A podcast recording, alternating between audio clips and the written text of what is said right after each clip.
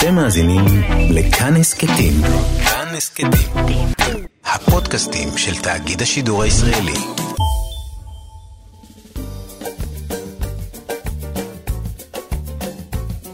שישים החדש, עם איציק יושע. לחיות בגיל השלישי.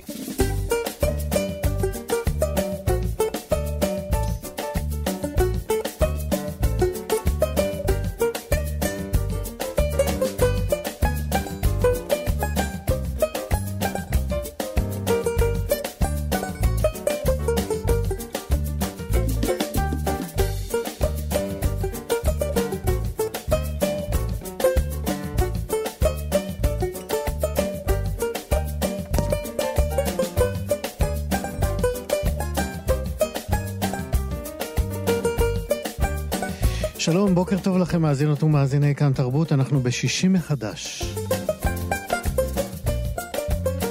הבוקר נדבר איתכם על מודרניזציה והטיפול בקשישים בחברה הערבית. נספר לכם על הקשר החשוב בין, שימו לב, בין הלעיסה לבין היכולות הקוגניטיביות שלנו.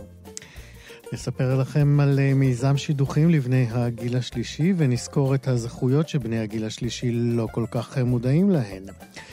וגם אה, נדבר על זעקת ההזנחה של הזקנים בימי קורונה, וכמובן אה, תהיה לנו מוסיקה ישראלית ותיקה שלוקחת אותנו אל שורשי הפופ הישראלי. היום הוא יום פטירתו של אה, אחד המלחינים הגדולים שלנו, נחום מימן. היום ארבע שנים למותו, אנחנו נשמע שירים שלו. בצוות היום, ברצ'פט על התחקיר וההפקה, אבי שמאי מפיק השידור, רועי קנטן טכנאי השידור, אני איציק יושע איתכם עד 12.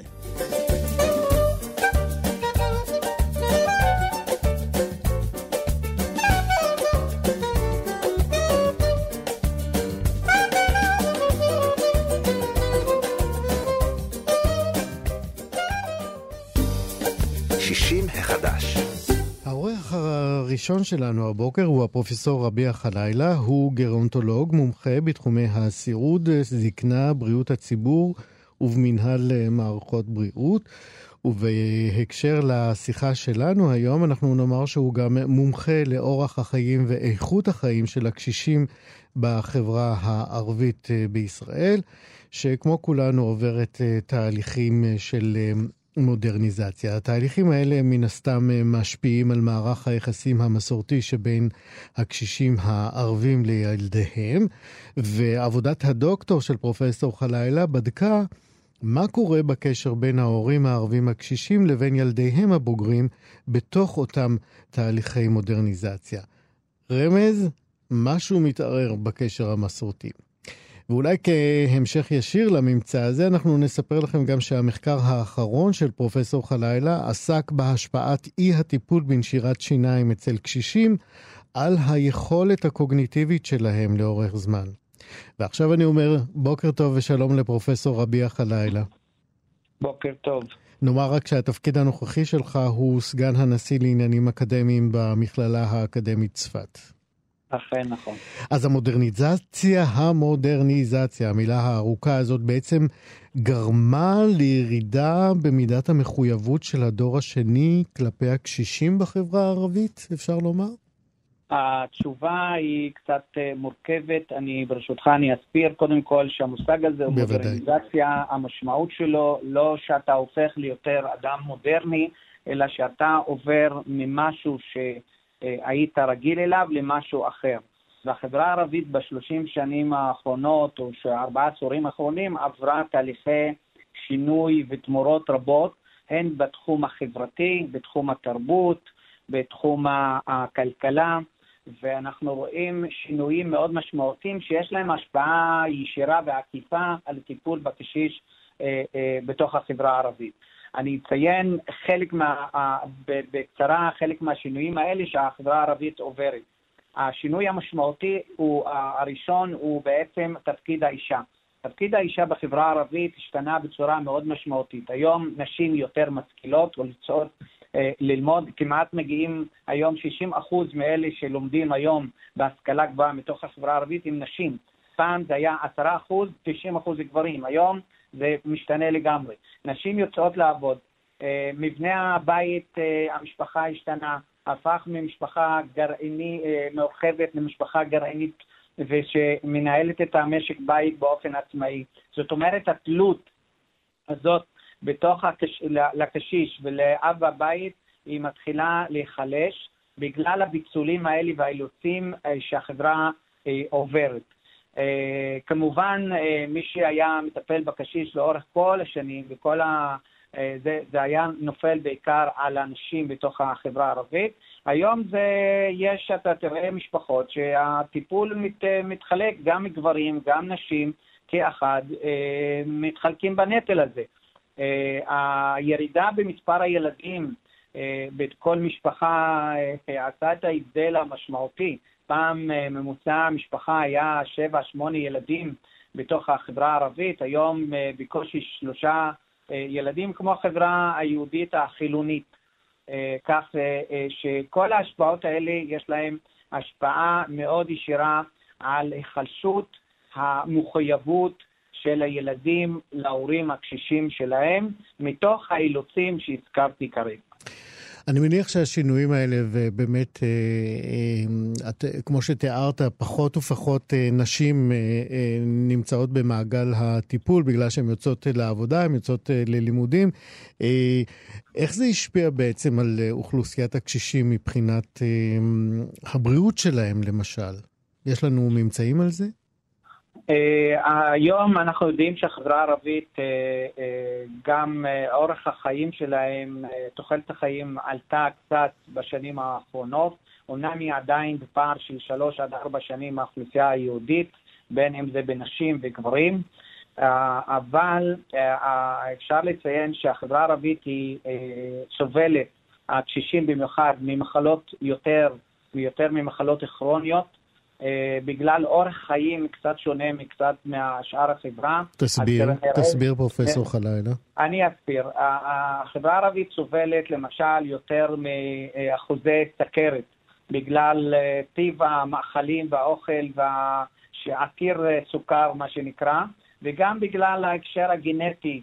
שכנראה שגם נמצא בתוך החברה הערבית, שיש יותר מחלות סכרת למשל, מחלות אה, נשימה בגלל העישון, היום אנחנו יודעים שגם בעבר אה, יותר אנשים הקשישים היום עישנו כבד מאוד, שהתופעה הזאת חוזרת היום עוד פעם אצל הצעירים, אבל באופן קצת שונה, דרך נרגילות ולא דרך סיגריות, והתופעות האלה הן קשורות באורח החיים שנמצא בתוך החברה הערבית.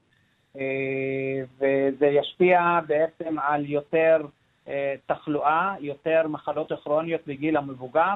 אה, עם העלייה בתוחלת החיים, זה אומר, יהיה לנו בתוך החברה הערבית יותר קשישים שהם יותר חולים, יותר מוגבלים, שצריכים יותר עזרה וטיפול, שהמשפחה הערבייה לא תוכל למלא את התפקיד הזה לאורך זמן, נוכח השינויים שהזכרתי קודם. ואחד הדברים שהזכרתי אה, בעבודת הדוקטורט שלי לפני עשר שנים, אמרתי שאנחנו צפויים לראות תופעה חדשה בתוך החברה הערבית, שזה המטפלים הזרים, והיום אכן אנחנו רואים את התופעה הזאת בתחילתה, והיא תגדל עוד הרבה גם בשנים הבאות. זאת אומרת, אה, כמו בחברה היהודית, אה, יותר ויותר מטפלים זרים מחליפים את בני המשפחה. כן, דרך אגב, דרך אגב, גם בחברה הישראלית היהודית, במי שנמצא בבתי אבות, זה בקושי 3-4 אחוזים מתוך הקשישים, בחברה הערבית זה 1 אחוז. זה כנראה לא הולך להשתנות גם בשנים הבאות בשתי החברות האלה. כי יותר אה, אה, נעזרים בטבלים זרים, אה, יותר עדיין המשפחה מקבלת אה, על עצמה חלק מהטיפול, אבל היא עדיין צריכה את העזרה. והעזרה הזאת תבוא דרך שירותים חברתיים, או מרכזי יום לקשיש, שהיום הולכים ומתפתחים, עדיין בחברה הערבית זה לא מספיק. אה, מטפלים זרים נכנסים לתוך החברה הערבית, דיור מוגן יש בתוך החברה היהודית, אבל עדיין אין בחברה הערבית. למה בעצם, נראה... למה בעצם אה, החברה הערבית אה, לא מקדמת דיור מוגן? עדיין זה לא נתפס בעין חיובית, בוא נגיד ככה. כל דבר צריך לעבור סוציאליזציה לאורך שנים. כמו שקרה למשל... למה בעצם, פרופסור חלילה, למה זה בעצם נתפס בעין לא, זה, זה, בעין לא חיובית? זה, זה, זה נחשב למה? להזנחה? לאי כבוד? זה קשור לאי כבוד, אה, שבעצם המשפחה אה, במרכאות אה,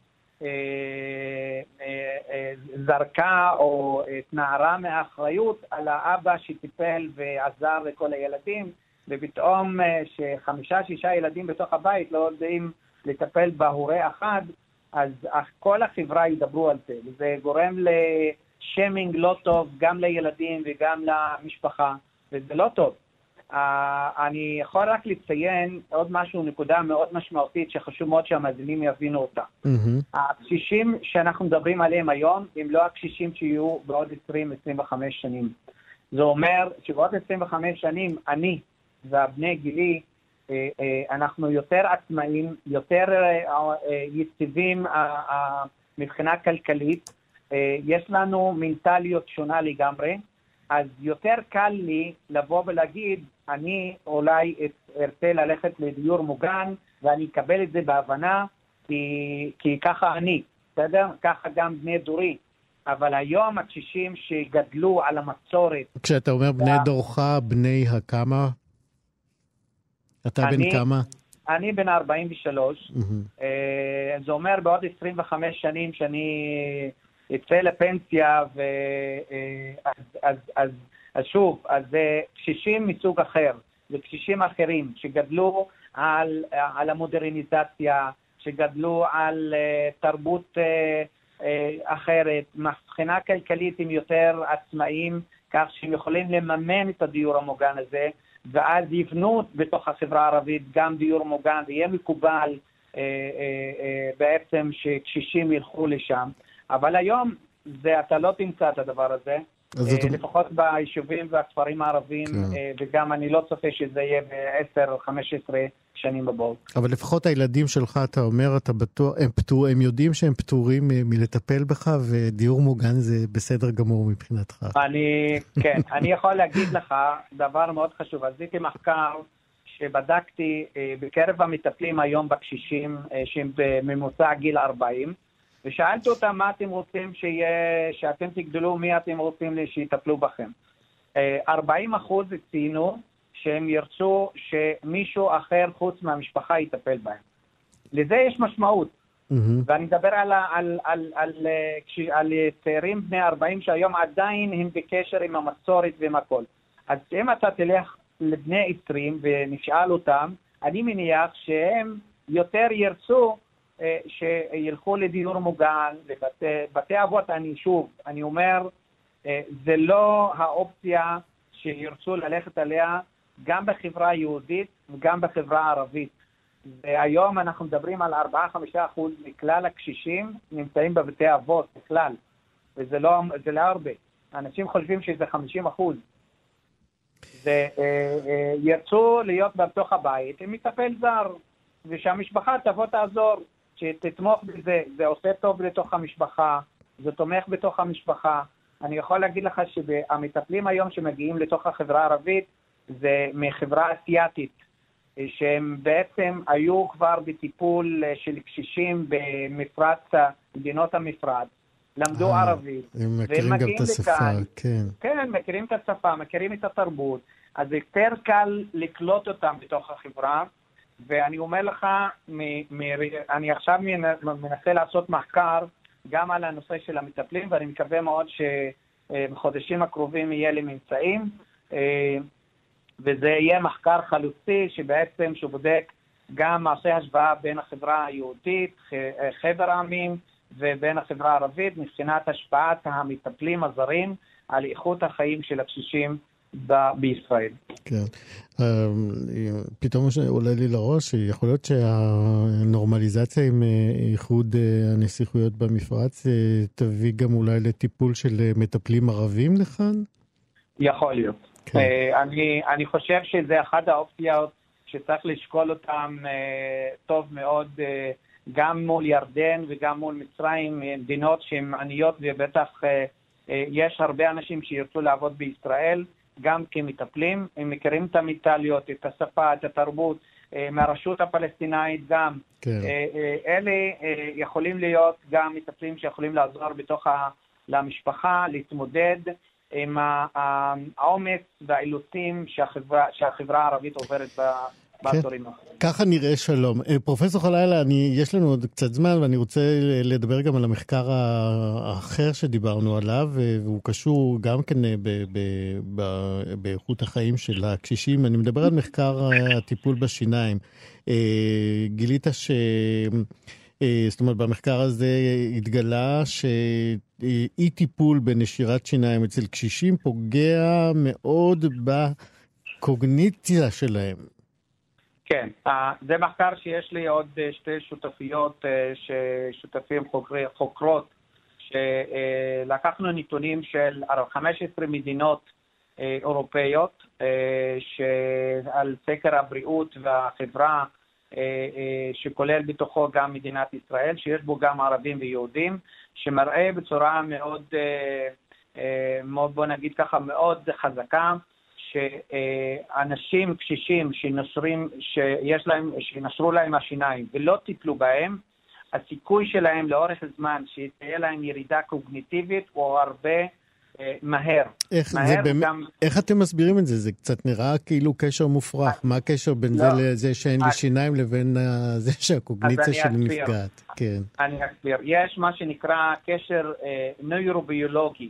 מה זה אומר? יש הנוירונים בעצם העצבים שמעצבים את היכולת הלעיסה של הבן אדם, אוקיי? שיש לו שיניים והוא לועס, mm-hmm. הם יוצאים מאותו עונה שאחראית על היכולת הקוגניטיבית של, אותו, אה. של אותו אדם, ולכן... זה מעניין, זאת אומרת, יש קשר בין הלעיסה שלנו לבין היכולות הקוגניטיביות שלנו. נכון, ואז זה אומר שתאי המוח כל הזמן פעילים. ומופרשים חומרים ששומרים על יכולת הריכוז שלנו, על יכולת החשיבה, על יכולת הזיכרון שלנו, אה, קוגניציה שלנו, אז אה, אה, לכן למחקר הזה יש משמעות מאוד גדולה. היום יש הרפורמה של השיניים שמאפשרת טיפול בסיסי לבני 75 ומעלה, וזה לא כולל טיפול של השתלת שיניים ושיניים תותבות שעולים המון כסף. כן. ואני אומר שבמחשבה עתידית, צריך לקדם את הנושא הזה בממשלה ובמשרד הבריאות ובכל משרד שיכול לתמוך בעצם לממן לבני 60, 65 ומעלה טיפול שיניים מסובסד על ידי המדינה, כי זה יכול לעזור לנו המון ולצמצם את האנשים שיש להם דמנציה, אלצהיימר, כי מצאנו, אה, מחקרים אחרים מצאו שירידה קוגניטיבית היא בעצם מנבא חזק למחלות כמו אלצהיימר ודמנציה. מדהים. ולכן זה, זה משהו שמאוד חשוב לקדם אותו בארץ. נהדר. פרופסור רביע חלילה, גרונטולוג וסגן הנשיא לעניינים אקדמיים במכללה האקדמית צפת, אמ, החכמת אותנו מאוד, ותודה רבה גם על העבודה שלך וגם על השיחה הזאת. תודה, בכיף. להתראות. יום טוב. ביי ביי, להתראות. 60 החדש. לפני 25 שנה, ארז מלמד היה עדיין נשוי לאשתו הראשונה, הוא היה אז בן 44, שנה לאחר מכן הוא התגרש, הוא מצא את עצמו, כמו גרושים רבים, פנוי לפרקים, לפרקים חדשים בחייו, הוא מצא את אה, בחירת ליבו החדשה והתחתן איתה, וכעבור שנים אחדות שוב התגרש ופנה ליצירת פרק ג' בחייו. הפעם הוא הרגיש שהדרך אה, למציאת אה, בת זוג נעשית קצת יותר קשה מאשר בפעמיים שקדמו לזאת האחרונה, וגם המפגשים עם פנויים ופנויות חדשות וחדשים עורר בו את הזיק השדכני שהיה טמון בו כבר המון המון שנים קודם לכן, אה, ומזה כמה שנים הוא בעצם אה, מוביל מיזם שדכני, חדשני, אה, לבני זוג בגיל השלישי. ארז, נספר לכם, הוא במקור מקבוצת כנרת, ארז נעוריה של נעמי שמר, והוא גם בן משפחה. אנחנו אומרים עכשיו שלום לארז מלמד. בוקר טוב, שלום לכולם. מה שלומך? אני בסדר גמור. נהדר. תגיד, אפשר לקרוא לך שדכן? אה, אפשר לקרוא לי כל מה שמתאים לזוגיות. אני עוסק אוקיי. בזוגיות, מטרתי לעזור לאנשים שאין להם זוגיות, למצוא אהבות חדשות ולהיות יותר שמחים ומאושרים בחייהם. ספר לנו קצת מה עשית עד שהתחלת לעסוק אה, בשידוכים באופן פעיל. אה, קודם כל, במקור, כמו שאמרת, אני מקבוצת כנרת, אה, נעמי שמר הייתה בת דודה של אבא שלי, הייתי קצין בצה"ל, אה, בפרק א' בחיי, שחייתי במושב ליד טבריה, למדתי כלכלה מנהל עסקים, בתקופה מסוימת גם הייתי מזכיר המושב, נציג המושב בתנועת המושבים. אבל באמת, כמו שציינת, לפני כ-25 שנה, בעקבות גירושיי הראשונים, אה, מצד אחד אה, הייתי צריך לבנות לי חיים משפח... אה, חדשים מכל הבחינות, גם מבחינת אה, תעסוקה ומקום מגורים, וכמובן זה הכל קשור לזוגיות חדשה. ובעצם חלמתי כבר אז, כשהתגרשתי לראשונה, וראיתי את הבעייתיות במציאת זוגיות חדשה בפרק ב', חלמתי כבר אז להקים אה, איזשהו מיזם שמטרתו לעזור לאנשים בדרכים מגוונות למצוא אהבות חדשות. חשבתי על טיולים וסדנאות ומסיבות והרצאות וגם שידוכים, אבל הרעיון הזה הקדים את זמנו. זה היה לפני עידן האינטרנט, לפני עידן הסלולרי, ובעצם לא הצלחתי להרים את המיזם כמו שרציתי, והשארתי לי בשנים האחרונות את השידוכים כתחביב, ובמקביל לזה שעסקתי באמת בדברים אחרים, וגם בניתי לי זוגיות פרק ב', יש לי בסך הכל ארבעה ילדים משתי נשים שונות ושלושה נכדים. אבל ככל שעסקתי בשנים האחרונות בכל מיני דברים שלא קשורים בכלל בזוגיות בשם הפרנסה,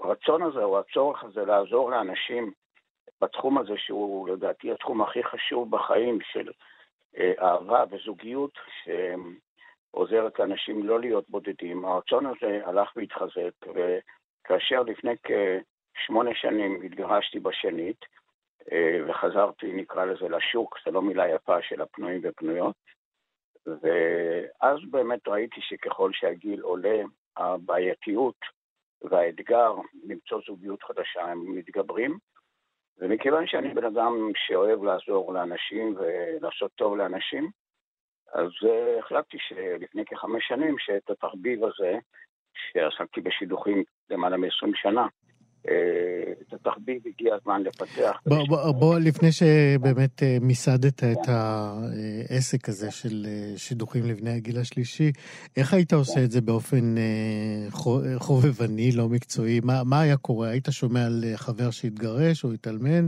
לא עלינו, ומה, היית יוצא לחיפושים? לא, לא, לא. האמת שלא לא יזמתי. פשוט כמו כל אחד מאיתנו ש... שיש לו אינטראקציות עם חברים ואנשים, אז פה ושם כשהייתי שומע על מישהו שהוא פנוי, ונניח התגרש או התאמן חס וחלילה, אז הייתי חושב האם אני בצורה כלשהי יכול לקשר אותו עם בן או בת זוג פוטנציאליים. יש דוגמה אולי יפה וקיצונית, זוג ש... ששידכתי ביניהם לפני כשמונה שנים, Mm-hmm. נועה ועמית, גם זוג שכבר היו איתי גם בתוכנית טלוויזיה, וכדוגמה לזוג שעשיתי להם באמת, בגלל שהכרתי את נועה בכלל בנסיבות של כנס מקצועי שהיינו, ואת עמית הכרתי כמה חודשים אחרי זה בנסיבות אחרות, והם גרו בכלל מאוד רחוק, אחת מהשנייה, נועה גרה בקיבוץ ליד בית שאן, ועמית גר באותה תקופה לפני שמונה שנים ברמת השרון. פשוט הראש השטחני שלי, כאשר הכרתי גם את הגבר וגם את האישה, אז התחבר לי בראש, והצעתי להם אה, לדבר, ועובדה שכבר שמונה שנים הם אה, בזוגיות מאושרת. שמונה שנים שהם מדברים ביניהם. לא, שהם, כן, שהם מדברים וגם חיים ביחד. אם לא הייתה קורונה, אז לפני כחודש הם התפנו לעשות חתונה. וואלה. פרק ב'. אגב, כמה חתונות יצאו לך מהתקופה הלא מקצוענית שלך? תשמע, קודם כל, מכיוון שזה לא מקצועני, אני לא, לא מקפיד לעקוב, אבל חוץ מזה צריך לציין משהו שהוא די ברור, שבפרק ב' רוב האנשים כבר לא ממש רוצים להתחתן. הם רוצים לא להיות לבד. כל אחד יש לו את השיקולים שלו, למה הוא אה, מחפש זוגיות, אבל ברוב המקרים אה, זה לא מוביל לחתונה. זה מוביל במקרה הטוב למיסוד קשר בצורה, לפעמים עושים את זה שהם הסכמים, אבל ברוב המקרים פשוט אנשים אה, רוצים, שגם ברוב המקרים בזוגיות הפרק ב' או ג', אנשים לא ממהרים לאחד כוחות וללכת ולחיות ביחד. הם רוצים שכאשר יש להם זמן פנוי, אם זה סופי שבוע או חופשים, אז יהיה להם אה, בן אדם, בן זוג קבוע, איתו לצאת ולחוות את החיים. כן. אבל אה, חתונות אה, לא ממש קורות בגילאים של כן. 50. אז אמרנו שלפני חמש שנים בעצם החלטת לעשות את זה בצורה מסודרת, ממוסדת יותר. כן. מה זה אומר? אתה מכין רשימות, אתה יוצר מפגשים, איך זה הולך? אם אני התעלמנתי לא עליך ולא עליי, אה, ואני מחפש בן זוג, אז אני מגיע אליך ואומר לך מה? תשמע, קודם כל זה התחיל מ... אגב, אתה, אתה מחבר גם בין גברים וגברים ונשים ונשים? אולי זה השלב הבא, בינתיים לא. אוקיי. לא, אין לי שום בעיה עקרונית, אבל כרגע זה... אני שמח. בוא, אז אוקיי, בוא, בוא נלך לפרקטיקה. אה, אני מגיע פנוי ומבקש אה, סיוע שלך במציאת אה, בן או בת זוג. מה אתה, מה אתה שואל אותי? כן, לא, אני רוצה רק להסביר שלפני חמש שנים לא היה לי שום נוכחות אה, באינטרנט. ובעצם כשהחלטתי שאני רוצה את התחביב לפתח, התחלתי לעשות אה, שתי פעילויות. פעילות אחת זה מפגשים ומסיבות, ולפני שהתחילה הקורונה, לפני שמונה חודשים בערך, היה ברמת גן אירוע מספר 45 שלי, כל האירועים האחרונים היו בערך כמאה אנשים פעם בחודש. מה קורה באירוע כזה? אה, קודם כל, אה, אני בוחר את האנשים. זאת אומרת שאני מראש מכוון, גם שיהיה, וזה חשוב מאוד, הצלחת אירוע כזה חשוב שיהיה פחות או יותר מספר שווה של גברים ונשים, וכמובן בגילאים מתאימים. אני בדרך כלל עובד בגילאים של בין 50 ל-70, וזאת אומרת שאנשים שרואים אה, פרסום שלי בפייסבוק, באינטרנט בכלל, אז הם אה, משאירים פרטים, ואני עושה להם סוג של רעיון קבלה בטלפון, ו... ואני מחליט אה, אם הבן אדם מבחינת גיל ומבחינת כל מיני פרמטרים הוא אכן מתאים להשתתף באירוע כזה, כי חשוב לי שאנשים יצאו בהרגשה שהיה שווה את הזמן ואת הכסף. עכשיו, מה שקורה באירועים כאלה, זה, קודם כל זה, זה משתנה, אבל בגדול זה אירוע של בערך שלוש שעות, שאנשים בהתחלה מגיעים, הם מקבלים תגי שם שהכנתי להם מראש, יש את זה בשולחן הקבלה, הם שמים את הטאג על החולצה, ואנחנו מציעים לאנשים שנצלם אותם עם תגי שם על החזה, וככה יש לי מאגר תמונות היום של יותר מ-800 נשים ויותר מ-600 גברים שצולמו באירועים שלי. ועם המאגר הזה אני נותן את השירות, השירות השני, שזה היכרויות אה, אישיות, אם נרצה אחרי זה נפרט את זה. בכל מקרה, כשהאירוע מתחיל, הוא בדרך כלל מחולק לשניים. אה, אה, עד שהוא מתחיל, דרך אגב, נניח אני מזמין את האנשים לשמונה, ועד שכולם מגיעים זה רבע לתשע, בינתיים יש כיבוד, אפשר mingling וכולי. כשמתחיל האירוע, ברוב המקרים הוא מתחיל בערך בשלושת רבעי שעה של מסיבת ריקודים, עם די.ג'יי מקצועי, ואחרי זה עוברים לחלק השני. אה, בין שני החלקים עוד פעם יש אפשרות להתכבד, אה, לדבר, להכיר. בחלק השני יש תוכן משתנה, זה יכול להיות אה, דברים שהם רלוונטיים לאנשים בגיל, בגיל הזה של 50 פלוס שמחפשים זוגיות. אז יכול להיות הרצאה של דוקטור לפסיכותרפיה שמדבר על זוגיות ומיניות בגיל של 50 פלוס. יכול להיות הצגה על דייטים, זה יכול להיות, אה, מכיוון שגם האירועים שלי נקראים מפגשי זוגיות וקולטורה, או דייט קבוצתי מתובל בהומור, אז uh, תמיד אני דואג שיהיה באיזשהו שלב לקראת הסוף איזשהו סטנדאפיסט או סטנדאפיסטית, שנותנים איזה רבע שעה של ככה קצת להצחיק את החבר'ה, שאנחנו יודעים שבמפגשים כאלה של היכרויות, אנשים באים יש את המבוכה. כן, וכך הלאה, זה, זה נשמע אה, באמת אה, יפה ומועיל. אה, חבל שהקורונה ככה עצרה את התנופה של האירועים האלה. נכון. אה, יש איזושהי דרך, דרך האינטרנט, יש לך אתר שאפשר להגיע אליך, מי שרוצה להצטרף לאירועים האלה? קודם כל יש לי פייסבוק אישי, שנקרא בשביל, או ארז מלמד, יש לי פייסבוק עסקי שנקרא פנויים פנויות לגילאי 50 פלוס, או בשביל האהבה. ואפשר למצוא אותי ולהתקשר אליי ולהשאיר לי הודעות. מה שאני רוצה רק לציין, שלאחרונה... בקצרה, כן. כן, במסגרת הקורונה יזמתי הפקה של מדריך מיוחד למציאת זוגיות בפרק ב' וג'. במדריך הזה מעורבים עשרה מומחים שונים, כל אחד נותן במדריך הכתוב הזה טיפים וערך מנקודת המבט המקצועית שלו. יפה, אז בואו נזמין את כולם לחפש את דף הפייסבוק שלך, ארז מלמד, או איך אמרת, אהבה... איך קוראים לה דף?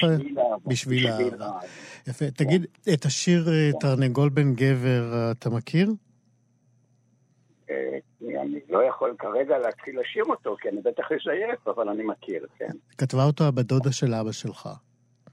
כן, אני רק יכול להגיד שבהקלטה המקורית של חורשת האקליפטוס, אני הייתי במקהלת הילדים, שליוותה את אילנה רובינה לפני 56 שנה. אז הנה, בואו, בוא, בוא נשמע את השיר על התרנגול השרמנטי, שכל התרנגולות אה, אה, מקרקרות סביבו, שזה בערך פחות או יותר האזור שאתה עובד. ארז מלמד, תודה רבה על השיחה הזאת. רוב תודות, והרבה אהבה לכל המאזינים ולכל המספרים. 60 החדש. אנחנו נחזור עכשיו על הקלישאה הידועה שידע הוא כוח, אבל uh, כשמדובר בבני ובנות הגיל השלישי, היעדר ידע הוא לפעמים uh, גורם uh, לחוסר צדק, uh, גם מוסרי וגם חברתי, ובמקרים מסוימים אפילו uh, מגיע לכדי מניעת טיפולים ושירותים שמגיעים לבני הגיל השלישי על פי חוק. למשל, ידוע לכולנו שלזקנים בגיל הפרישה, אני מקווה שידוע לכולנו, כן? אבל מגיעה להם הנחה בתחבורה הציבורית ובתשלומי ארנונה. זה הנחות שאנחנו יודעים עליהן. אבל מעטים למשל בהקשר הזה של תחבורה ציבורית, מעטים יודעים שההנחה ברכבת מתחילה כבר שנתיים לפני גיל הפרישה. אז צריך לדעת את זה. על הזכויות האלה ועל זכויות אחרות שאנחנו לא כל כך יודעים עליהן, נדבר עכשיו עם עופר מרום, שהוא מנכ"ל המועצה הישראלית לצרכנות. שלום עופר. שלום וברכה. אז אמרנו שההנחה ברכבת מתחילה אה, אה, שנתיים קודם. אגב, איך זה קרה שברכבת דווקא אה, התחילו שנתיים קודם? תשמע, על דברים טובים אנחנו לא מקשים. ברגע שנותנים לך, מבטיחים תשכח, נותנים תיקח. ברור. אז נותנים שנתיים לפני, אנחנו חושבים שזה יפה מאוד, ובהחלט ראוי. אל תשכח שבסך הכל אנחנו גם מדברים בדרך כלל על כך שההנחות והאזרחים נוסעים לאו דווקא בשעות העומס, ויש שעות מבחינת הרכבת שאפילו יש לה עניין בשעות המתות שלהם, שיהיו נוסעים, שיגיעו ויקבלו הטבות כדי שייסעו בהן דווקא. ולכן אנחנו מברכים על זה. אבל כמו שאמרת, חוסר ידע באמת במקרה הזה, זה הפסד כספי ממש. יש המון המון הטבות לאזרחים ותיקים, ואנחנו שמחים על כך שאתם נותנים לנו פה את הפלטפורמה, את הבמה להציג את הדברים, חלק מהם כמובן. אני ממליץ לכולם להיכנס למדריך מיצוי זכויות לאזרחים ותיקים באתר המועצה הישראלית לצרכנות. אנחנו נחזור על זה גם בסוף השיחה שלנו, אבל בכל זאת, מכיוון שאנחנו מדברים, אני, אני ארצה לעבור איתך באמת על אה, נושאים אה, של זכויות שלא כל כך יודעים עליהם. אה, רשמתי לפניי, אבל אם יש לך עוד, אז אה, בשמחה. אה, למשל, דיבר, דיברנו כאן בתחילת התוכנית על אה, טיפולי שיניים ועל חשיבות הטיפול אה, בנשירת שיניים, אה, ועל הקשר בין אה, לעיסה ל... ל לירידה בקוגניציה. שמעת על זה? לא ידעת, הנה, אנחנו מלמדים אותך. אז תדע לך שהלעיסה משפרת את הקוגניציה. אז איזה... גם הטיפולי שיניים, יש טיפולי שיניים מיידים למוגבלים בתנועה. יכולים להגיע אליהם הביתה, כמו שיש גם כן סל שמשלים את הטיפול לזכאים. בבית, אם זה בפיזיותרפיה, וכל הזכויות שמגיעות אזרח ותיק שנדרש להם בביתו, לרבות אה, ביקור רופא, אז יש גם טיפולי שיניים ניידים למוגבלים בתנועה. איזה עוד, אה, אה, איזה עוד טוב, אפשרויות יש בטיפולי שיניים, זכויות שמוקנות לבני הגיל השלישי בחוק ואנחנו לא יודעים עליהן? אחד מהדברים שאנחנו יודעים בדרך כלל כדי שהם גם ישמעו היטב את התוכנית שלנו, אז זה סיוע בכל הנושא של מכשירי שמיעה. לבני 65 ומעלה, אנחנו יודעים שהם הצרכנים העיקריים mm-hmm. של מכשירי השמיעה. היום המכשירים האלה יקרים מאוד ונותנים מענה איכותי. יש מימון לכל אה, בני 65 פלוס. מימון צריך... מלא? לא, סיוע במימון. אוקיי. אבל הוא מגיע לאחוזים ניכרים, זה תלוי באיזה מכשיר, בעלות של המכשיר ובסוג הקופה. אבל זה נותן מימון של אה, אחוזים טובים מאוד, אה, מגיע לעשרות אחוזים של הנחה. חבל ללכת לקנות את זה בכסף פרטי, כאשר אתה זכאי להטבה בעניין הזה. אז יפה, אז ידעו מאזיננו, אם יש, אה, מתחילה ירידה בשמיעה וצריך, נזקקים למכשירי שמיעה, קופות החולים משתתפות ומממנות חלק. בכל קופה זה סיפור, זה סכום אחר, אבל כל הקופות משתתפות בזה, נכון? נכון מאוד. אוקיי, בוא נלך לאזורים של הטבות מס. הטבות מס, קודם כל, כל העניין של אה, מס הכנסה שלילי. מס הכנסה שלילי זה אומר שברגע שאתה, עם סך ההכנסות שלך, מקצבת זקנה ומה שיש לך מהפנסיה וכולי, אתה לא מגיע למשכורת הממוצעת במשק, אתה מקבל כסף חזרה, זה נקרא מס הכנסה שלילי. יתרה מזאת, יש פטור מלא ממס רווחי הון על קופות גמל, השקעה, כל מה שמשולם כקצבה לאחר גיל 60, יש פטור. יש לנו לא מעט זמן פנוי לאנשים, הידע קיים, השכל נמצא, הם יודעים לעשות את ההשקעות, הם מבינים לעיתים טוב יותר מכל האחרים, כדאי לנצל את זה. כדאי לנצל ולקבל את אותן הטבות. יש כמובן הקלות במס על כל הנושא של הכנסות מפקדונות ותוכניות חיסכון ממקורות אחרים. יש אה, בדרגות המס גם כן אה, להכנסה שהיא לא מגיעה באופן ישיר, אז יש הנחות והטבות. יש החזר מס על ריבית של תוכנית חיסכון לכל מי שהגיע okay. לגיל 67 בקיצור, ומעלה. בקיצור, כדאי להסתכל על כל ההשקעות שלנו ולבדוק האם אה, מגיעות לנו אה, הטבות אה, מס בעניין הזה. בקצרה אנחנו נזכיר רק בענייני תרבות, למשל, שכולנו מכירים, אני מקווה, את שלישי בשלייקס, שבו אפשר לקבל כרטיסי קולנוע בהנחה מאוד מאוד משמעותית. יש עוד עניינים תרבותיים שבהם יש הנחות לבני הגיל השלישי?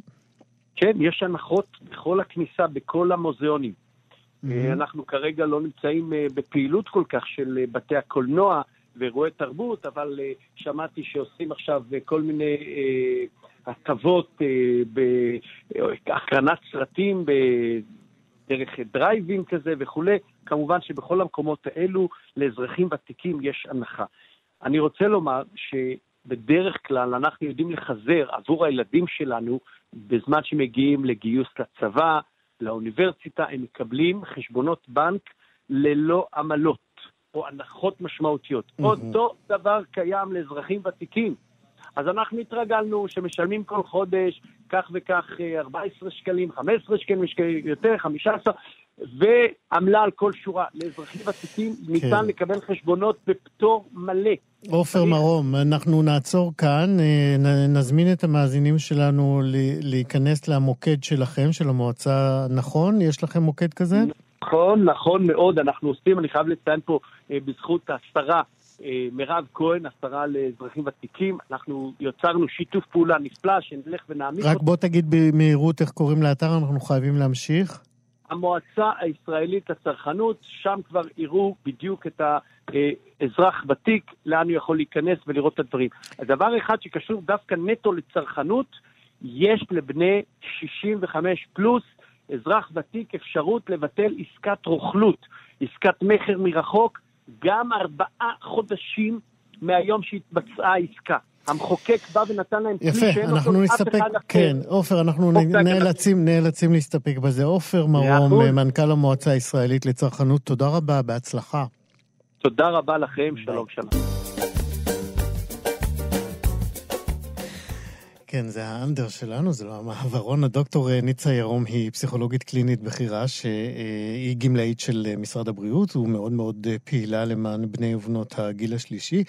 והכאוס הארגוני שהמדינה נתונה בו, חייבים לומר את זה, בימי הקורונה, הכאוס הזה מן הסתם לא פסח גם על בני הגיל השלישי. אנחנו יודעים היטב כמה המחדלים בטיפול בקשישים חשפו עוד ועוד...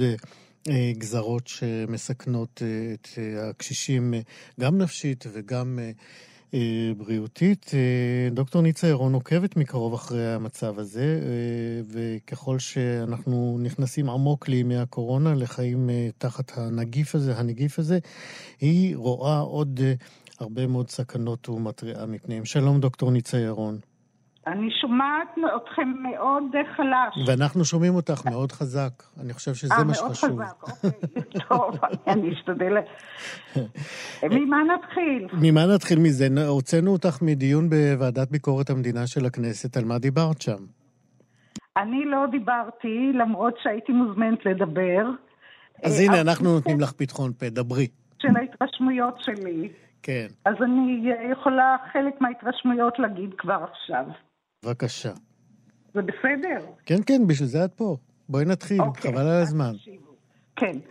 תראו, הכוונות הטובות אה, שבאות כאילו לעשות דיון אה, פתוח, ציבורי, שיש בו כל מיני פונקציונרים, אה, זה, זה ממש היה מבורך בעיניי. דבר אחד שתמיד בולט לי כשיש דיון באנשים של הגיל השלישי, זה שהם, הכיסא שלהם ריק. אין מה להגיד, אין להם דעה, אין להם קול, תמיד מדברים עליהם. זה משהו שלא חשוב כמה שנים עוברות וכמה דיון ציבורי וכמה ניסיון לתת להם לגיטימציה, העובדה היא שלפני עשר דקות שוב הייתה פגישה שאף אחד לא העלה בדעתו לשאול את, את חתני האירוע אה, האם יש להם דעה, ואו עכשיו אני נכנסת לעניין של המצב הנפשי, כי דיברו על ספקטרום רחב של אה, מה קורה לקשישים בבתי אבות בזמן קורונה, לדמנטים ולפחות דמנטים, אה, השיח שהיה דומיננטי מבחינתי התנהל בין שני סוגים של קולות, אני נותנת לכם את ההתרשמויות שלי, אה, של נציגי הארגונים, זה יכול להיות המנהלי בתי אבות או הגריאטרית הראשית או עוד אנשים שמייצגים את המוסדות, וזה קול שאני קוראת לו שפה פטרנליסטית. זאת אומרת, אנחנו מתייחסים יפה לחפץ. אה, משפצים לו את הבניין, עושים לו בדיקות, הכל טוב. אחר כך ישנו קול שבא דווקא מעופר שלח, שהוא היושב ראש של הדיון, ונכנסת המילה דיאלוג. א', נכנסת הדיאלוג. כי אם למשל מדברים על המשפחות של האנשים בבתי אבות, הם מתנהגים לא יפה, אומר מנהל, ראש ארגון בתי האבות, הם יכולים פתאום אה, לבוא מבילוי בשפת הים ישר לבית, ה, לבית האבות. לא קיים העניין הזה של דיאלוג מחוץ לשפה של עופר שלח ואולי של אסנת מארק שהיו הנציגים של, הנציגים הצעירים והפחות מכופתרים אה, של, אה, של הקהילה היותר רחבה. Mm-hmm. אנשים שייצגו את המוסדות היו פטרנליסטים עם רוח קרבית, עם רוח אה, אה, שגם בצבא אפילו לא מחזיקים אותה, שאני חשבתי שהיא ממש ממש ארכאית. ולמה לא, נתנו, למה לא נתנו לך לדבר עד שמביאה את הקול הזה גם מהאזור המקצועי וגם מגילך, את בת 77, אני צריך לומר. אני בת 77, ותשמע, אני 50 שנה במקצוע. אה, אני אכתוב דוח לעופר שלח, אני אפיץ אותו גם לפרופסור מימון, שכתבתי לו כמה מוזמנת, פעמים. את מוזמנת להפיץ אותו גם אצלנו. בסדר גמור. אה, גם אה, לפרופסור מימון כתבתי כמה פעמים, בפעם הראשונה הוא ענה באדיבות ואחר כך הוא לא קרא. כן. דוקטור, דוקטור ניצה ירום, לצערי זמננו הולך ומתקצר אוקיי, גם בגלל של... אוקיי, אז בוא תגיד לי איפה להתמקד. לא, אנחנו פשוט נסיים פה את השיחה הזאת. אנחנו מזמינים אותך כבר לחזור אלינו עם הדוח שתכיני אותו. כשתפיצי אותו, תפיצי אותו גם אלינו ונשוב ונדבר עליו. בקצרה, יש לנו 20 שניות. הצרכים הנפשיים של האוכלוסייה הזאת, שמוגדרת כ... שהתפתחו לה בעיות נפשיות קשות בזמן הקורונה, נוגעים בזה, אבל לא מספיק חושבים, ואת זה אני רוצה לייצג, שצריך להיות טיפול רציני בצד הנפשי כן. של האוכלוסייה הזאת. דוקטור ניצה ירום, אכן הנקודה שלך מאוד מאוד ברורה. הנה, אנחנו מזמינים אותך לחזור אוקיי. אלינו, אנחנו נתאם את זה. תודה רבה בינתיים על השיחה הזאת. לכם, דוקטור ניצה ירום, תודה רבה גם לכל מי שעסקו היום במלאכה, תודה רבה לבר צ'פט, לאבי שמאי, לרועי קנטן, אני איציק יושע, נתראה כאן גם מחר, להתראות.